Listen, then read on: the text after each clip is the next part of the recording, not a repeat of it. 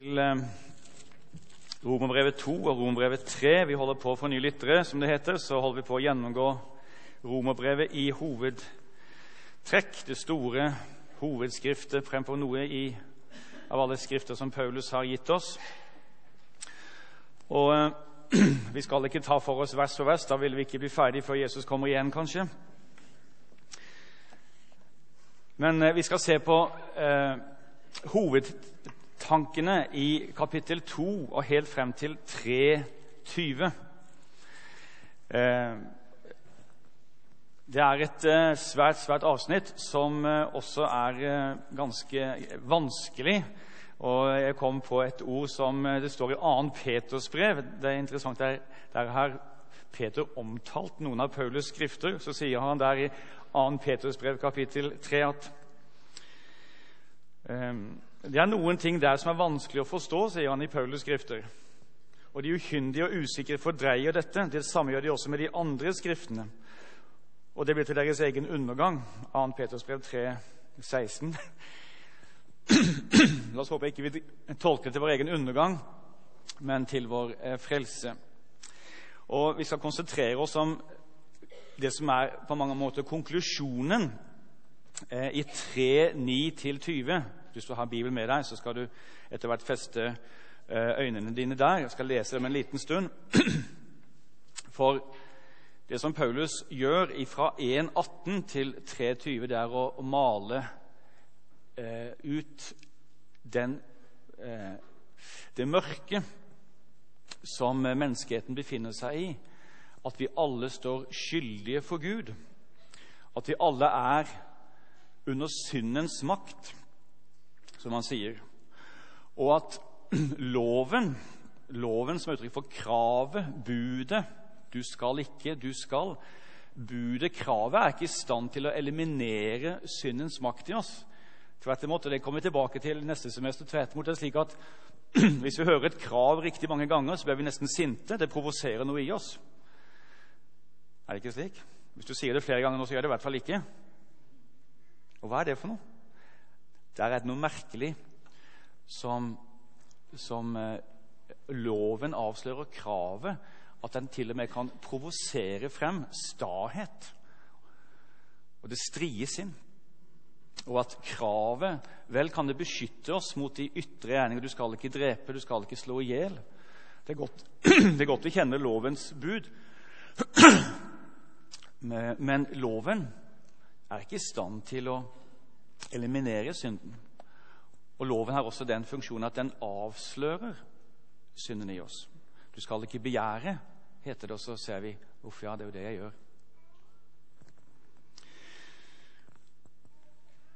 1.18-3.20 handler om mennesket gitt i, i det mennesket vi ser på den negative siden av oss. Det er jo ingenting som er så fantastisk og samtidig så forferdelig som oss mennesker. Å, du er en engel, sier vi. Det er jo gjerne for å gjerne få en liten gevinst. da. Men, og Det skal ikke alltid så mye til for å høre det. Du er en engel. Men man kan av og til oppleve det at mennesker kan gjøre det utrolige. Men så ser vi også at mennesket har et potensial til det mest forferdelige. Og nå er det denne mørke sida av oss, hjertefeilen, som jeg snakket om da jeg talte om det for 14 dager siden. Det er hjertefeilen som Gud vil at vi skal erkjenne. Han vil at vi skal innse hvor dårlig det står til med oss slik vi er i oss selv. Og som jeg sa da jeg talte for 14 dager siden det, Om du har en dødelig hjertefeil, så, så sier du ikke til ja, men se på hånden min, den er jo veldig fin. Hallo? Alt i orden her. Eller foten min. Eller lungene er veldig bra. Så kan det gjøre noe så særlig at hjertet er så gærent, da. Nei, vi Skål. Jeg skal drikke Jeg skal ha enda mer, ja. Ja, ja. Dobbel dose.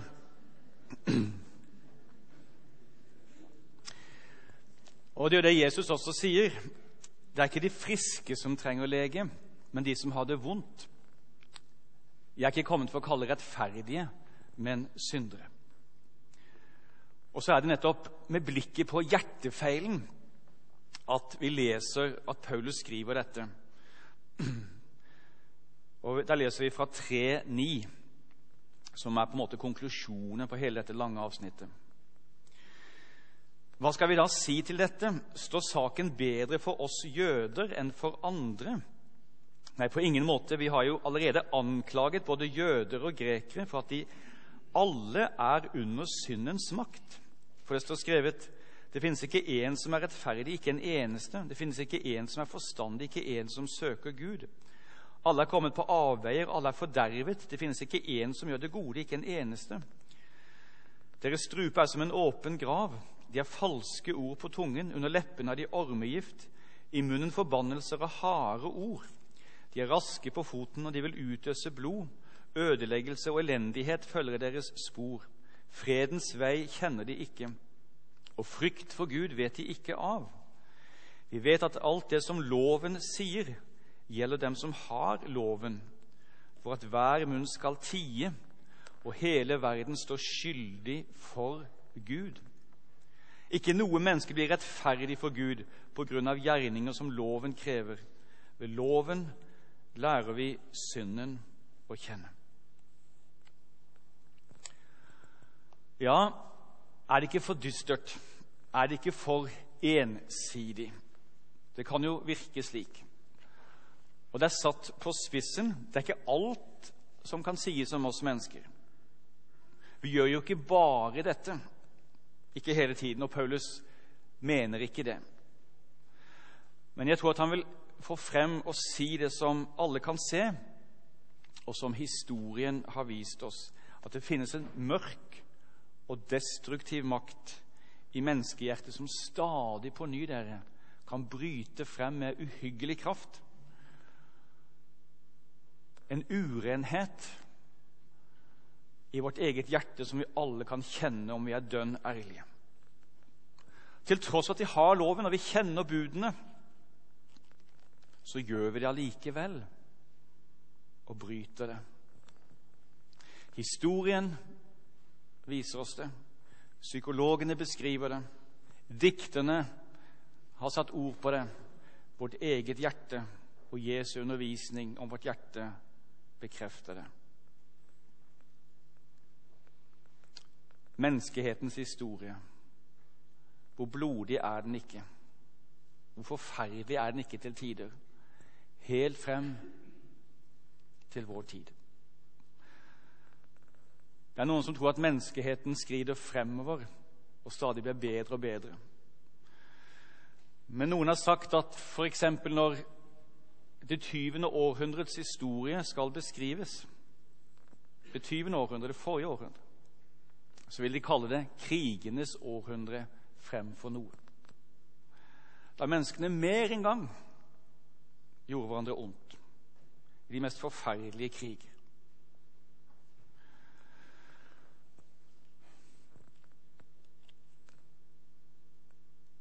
De verste tyrannene, Noen av de verste tyrannene verden har sett, men også hvordan det alminnelige mennesket ble trukket inn i det å gjøre de forferdeligste ting. Hitler kunne ikke gjort det han gjorde, hvis ikke legene hadde stilt seg til disposisjon for ham med sine medisinske eksperimenter. Og Der satt de som anstendige familiemennesker. Alt sitt på det tørre, og så er de med de mest forferdelige ting. Jeg vet ikke om du husker en scene fra Schindlers liste? Hvor mange har sett så Schindlers liste eller har sett den? En av de mest forferdelige scenene der synes jeg det er når de, eh, når de herjer i gettoen i Warszawa. Og, og de, de, tar jødene ut. Og Så kommer han og så ser han et piano der i et rom. Husker dere den scenen? Og Så setter han seg til å spille Bach, og så nyter han eh, de våltempererte klavir, er det det heter? Og så lyder de vakreste toner. Og så reiser han seg fra pianoet og går for å skyte neste jøde. Hva er vi for noe? En av de store navnene i de 20. årene var Sigmund Freud. Hva sa han om menneskene? Kultur, sa han. Sivilisasjon. Det er bare en tynn skorpe. Det er bare en tynn skorpe av velgjerninger over et villdyr som når som helst kan bryte frem. Kultur det er bare en tynn, tynn hinne over et vulkansk mørke som stadig på ny kan bryte frem i det kontinentet, i det kontinentet, i det kontinentet. I hvilken krig mistet amerikanerne flest folk? Vet dere det? Er det noen verdenskrig? I den amerikanske borgerkrig.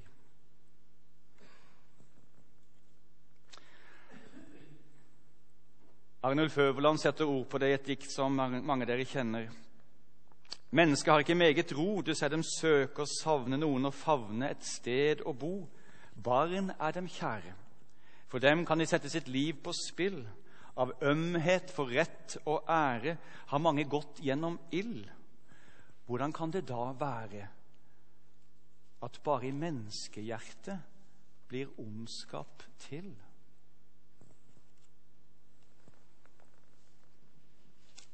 I menneskehjertet. Fordi vi har en sykdom, en synd, til døden. Så fører Paulus videre det Jesus veldig klart underviser om, og som egentlig er det dypeste i hans konflikt med fariseerne, fordi de trodde at vi kunne så å si arbeide oss stadig fremover og oppover. Men Jesus lærer om hjertefeilen. Fra menneskets hjerte, sier han i Matteus 15. Der kommer det som gjør mennesket urent. For fra hjertet kommer onde tanker mord, ekteskapsbrudd, hor, tyveri, falskt vitnesbyrd, spott. Slikt er det som gjør mennesket urent. Vi skal passe litt på hva vi lærer våre barn å synge. i hvert fall forklare det godt. Gud er så glad i meg at alle kan ta sine øyne fra meg. Av og til så kan man få det inntrykk at du verden hvilken fantastisk skapning. Gud er helt overrasket, så løper han etter oss, for vi er så enestående. er det slik det er? Han har skapt oss, og ikke vi selv. Og så sier Jesus et underlig ord i bergpreken. Når dere som er onde, sier han. Han taler til disiplene. Når dere som er onde, vet å gi barna gode gaver. Har du tenkt på det? Weiss? Det er noe av menneskets paradoks. Vi som har et ondt hjerte, vi kjenner på den onde lyst i vårt hjerte. Vi vet å gjøre velgjerninger, men vi eliminerer ikke det onde hjertet med det.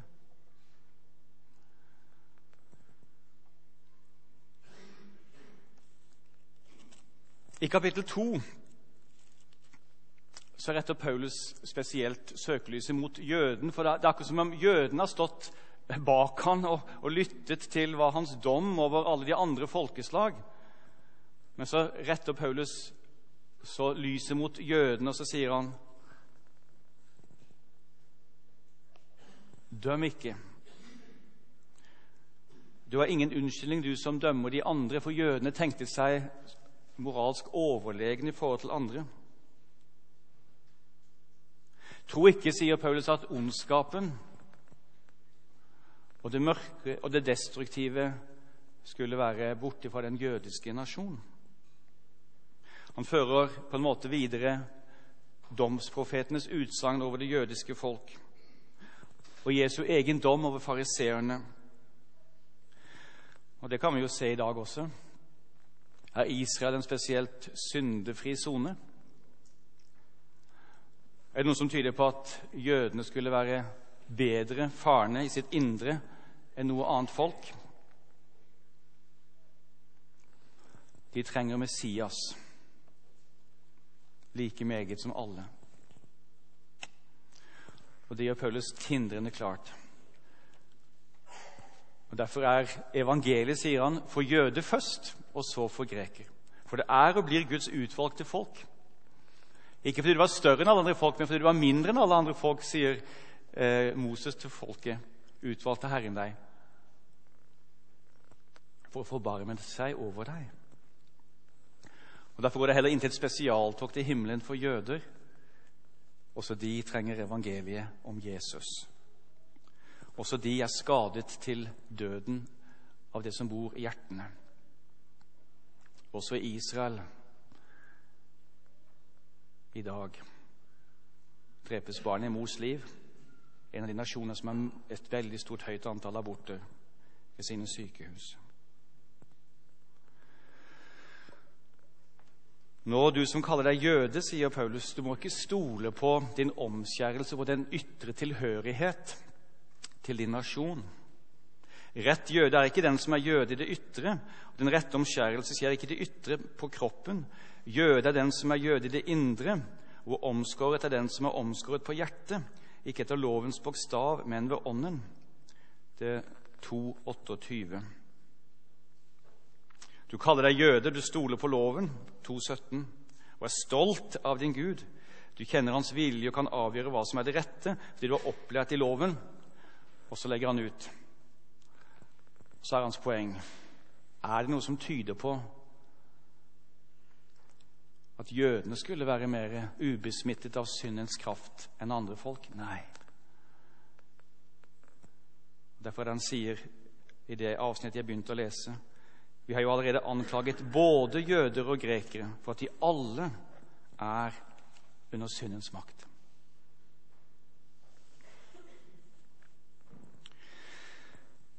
Hvis vi ser litt nærmere på dette avsnittet 3, 9-20, så er det tre elementer her ved menneskets forhold til synden, til syndemakten, syndenaturen, som Paulus vil få frem. For det første den er gjennomtrenger alle folk. Den er universal. Er det ikke sånn? Er det én ting vi kan være sikre på hvor vi enn reiser i verden, det vil være politi? Hvorfor vil det være politi overalt? Jo, for tyver bryter inn og stjeler. Ondskapen er der. Finnes det et paradis på jord hvor ikke det onde kan bryte frem? Nei på Stillehavsøyene. I øst og vest, i nord og sør. Vi kan være sikre. Mennesker vil gråte over hva mennesker gjør mot hverandre. Og Det kan være så nær og så nær at vi kan forskrekkes over det, for vi vet jo ikke hva vi gjør. Vi gikk til kirken, vi gikk til KVT for noen år siden. Og hva hører vi? Noen barn har drept lille Silje. Barn har drept på barn like på jordet utenfor oss. Husker dere det?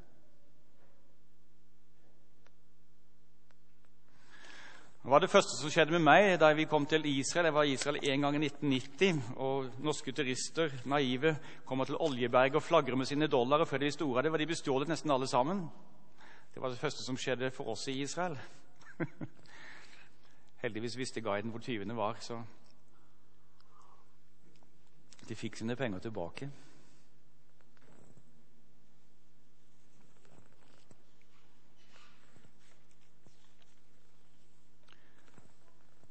Nei, det finnes ingen sted på jord hvor ikke mennesket er under syndens makt. Og Det er et annet uttrykk, det neste her, som vi gjerne vil understreke. når Han sier vi anklager, sier han, at alle er under syndens makt. Og Det er et poeng han sier alle under syndens makt. Og Paulus' poeng er her at den sitter i alle deler av vår personlighet. I ditt tankeliv, i vårt følelsesliv, i vårt viljesliv. Det er en uren makt der inne i oss som ingen av oss med vår vilje kan fritt kontrollere. Du kan velge om du vil komme deg til kirke eller gå herfra når du vil. Du kan velge om du vil sette deg i bilen og kjøre hit. Du velger du vil, om du vil gå på jobb på mandag morgen eller ei. Men hvem av oss er i stand til å kontrollere våre følelser og våre tanker fullt ut? Har du f.eks. irritert deg over noe siden du kom hit i dag? Har tankene dine vært helt og fullt til stede her hele tiden? Er det noe du har blitt litt sur på underveis i gudstjenesten? Ja, du er i stand til å kontrollere alt, ikke sant? Eller hva skjedde hjemme før dere gikk hit i dag? Og som jeg har sagt noen ganger som et eksempel, Vi kan vaske vårt hår og hode med sjampo og gjøre det så glinsende rent som bare det. Men hvem er i stand til å si i dag begjærer jeg in intet erotisk bilde som jeg ser på min vei? Og Jeg går i en Narvesen kiosk, vi menn, og er, du er helt fri, for du bare sier i dag jeg kommer ikke til å begjære noe som helst. når jeg det jeg ser. Er vi i stand til å styre vår tanke? Og Av og til kan dette bli helt forskrekkelig, hva vi kan tenke. Og vi hadde en forferdelig fødsel med Elinor. Vi, altså Ellen. Men jeg følte det angikk meg ganske mye. Og hun fikk så, Ellen fikk sånn galopperende hjerte. Hjertet kom ut av kontroll, så hun ble, måtte ta medisin underveis i selve fødselen. Og, og det, var veldig, det, var veldig, vanskelig. Og um, da vi kom hjem Vi, vi hadde planlagt at skulle, hun skulle føde i, i, Oslo, der vi bodde. Men vi, vi havnet hos svigermor, og det også, gjorde det hele litt sånn anstrengende. for at liksom, Hva tenker hun om oss? Nye foreldre. Jeg følte liksom jeg gikk sånn på tå hev. Og Eleanor, vår lille nyfødte, hun skrek og skrek og skrek. og skrek. Og jeg syntes det var forferdelig. Så plutselig en, en kveld så, sier jeg, så tenker jeg Nå dreper jeg en ungen og begraver den i hagen, altså.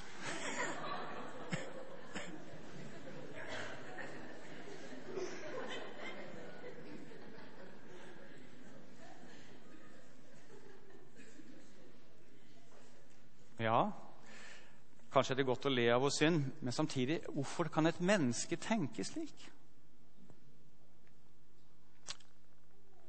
Og jeg har jo hatt en del mødre til sjelesorg som er skremt av sine negative følelser for sine barn. Hvis du var bare fylt av kjærlighet og godhet og ømhet, hvor kommer det da fra?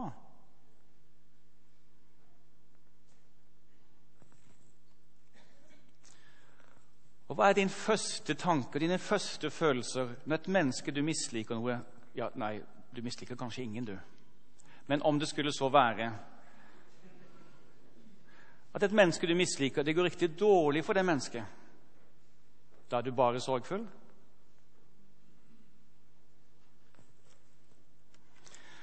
Eller et du misliker, det lykkes spesielt for vedkommende. Da er du bare glad?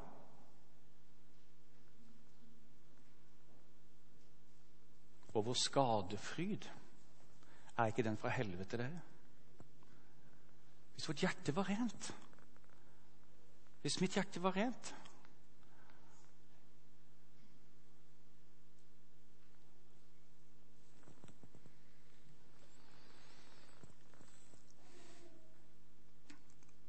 Og Hvis det var slik at mennesket var godt, og vi bare tenkte på de andre, hvorfor har vi det av og til som vi har det i våre ekteskap? da? Hvorfor kan noen i det hele tatt gå fra hverandre hvis mennesket er godt, og vi bare tenker på den andre? og hvor lite som skal til å irritere oss.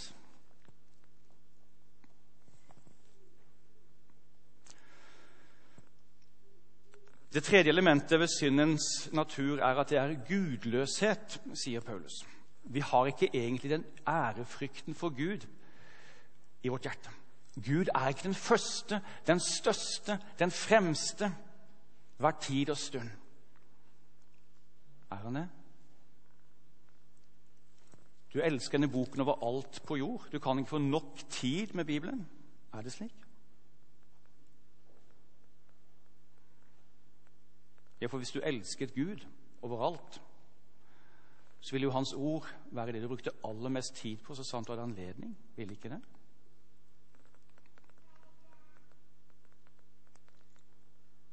Og hvor mye tid bruker du i bønn i uken? Hvis du elsker Gud over alt, så ville vi vel bruke enhver anledning til å være i bønn, ville vi ikke det? Å være sammen med vår himmelske Far.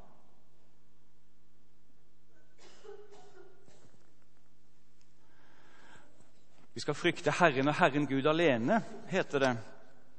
Du frykter ikke noe menneske, du. Du tenker aldri på hva andre synes om deg. Du er helt fri. Og når ditt navn ble uteglemt fra et eller annet program der det skulle stått, eller fra en takkeskriv, eller hvor det måtte være Du brydde deg ingenting om det, du.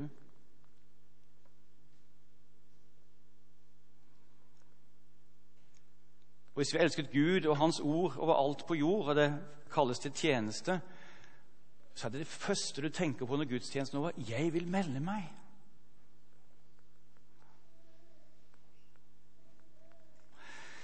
Synd, sier Luther, det er å være innkrøket i oss selv.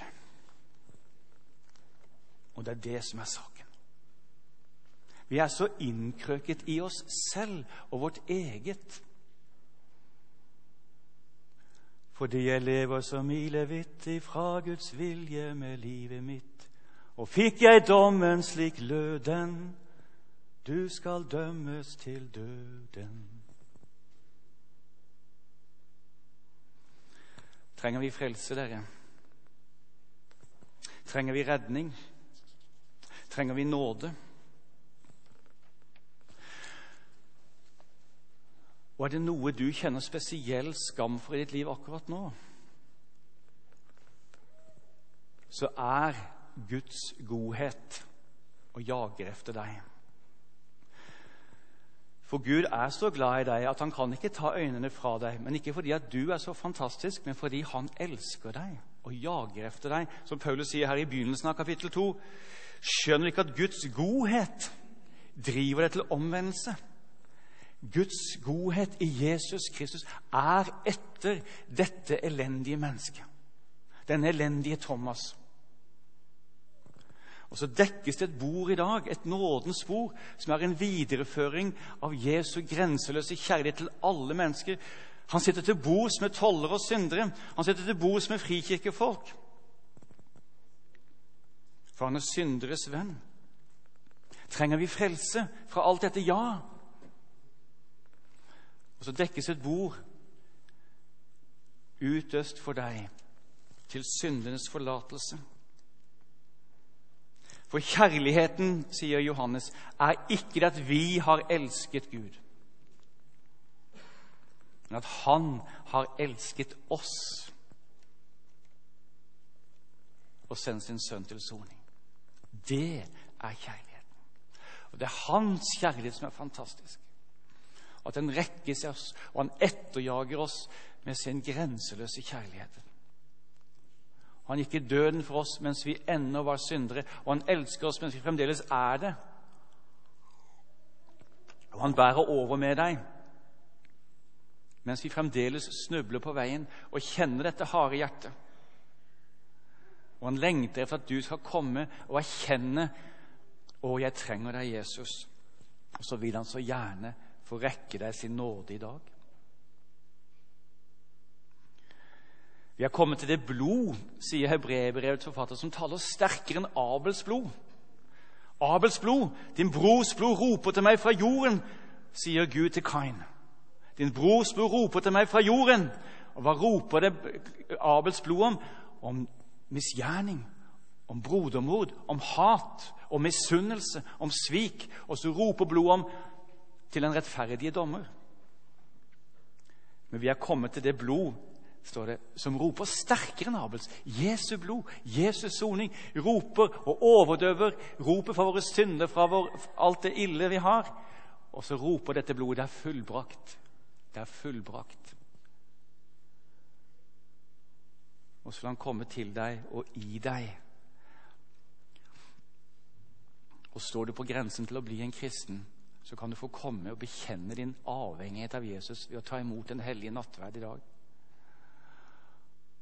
Og Når vi spiser og drikker dette er Jesu legeme, dette er Jesu blod, så vit han lengter så inderlig etter å ta bolig i våre skrøpelige liv for å legge sin nåde og sin renselse inn for alle dine fall og for alle dine nederlag for alle våre skitne tanker. Intet er glemt av ham.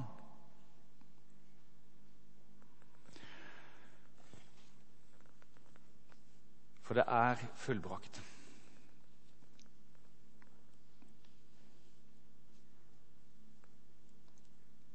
Vi sa det tidligere i gudstjenesten i natt, i, når vi hadde vår synsbekjennelse. Bærer du på en særlig synd eller sorg i dag? Gjør du det? og hvor godt du skal få komme til Jesus med det. Hvor godt du skal få komme til Jesus med det. for han er synderes venn. Han vet om vår hjertefeil.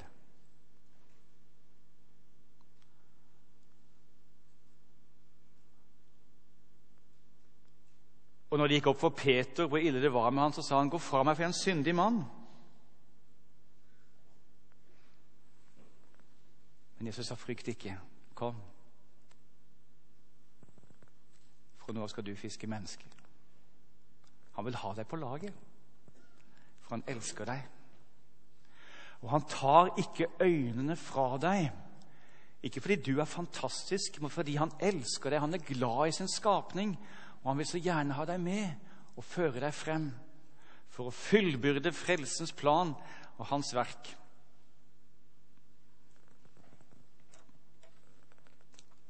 Så kom, for alt er ferdig. Fra Golgata-verket rekkes deg brød og vinen. Og vi skal få prise ham. La oss være stille for Jesus.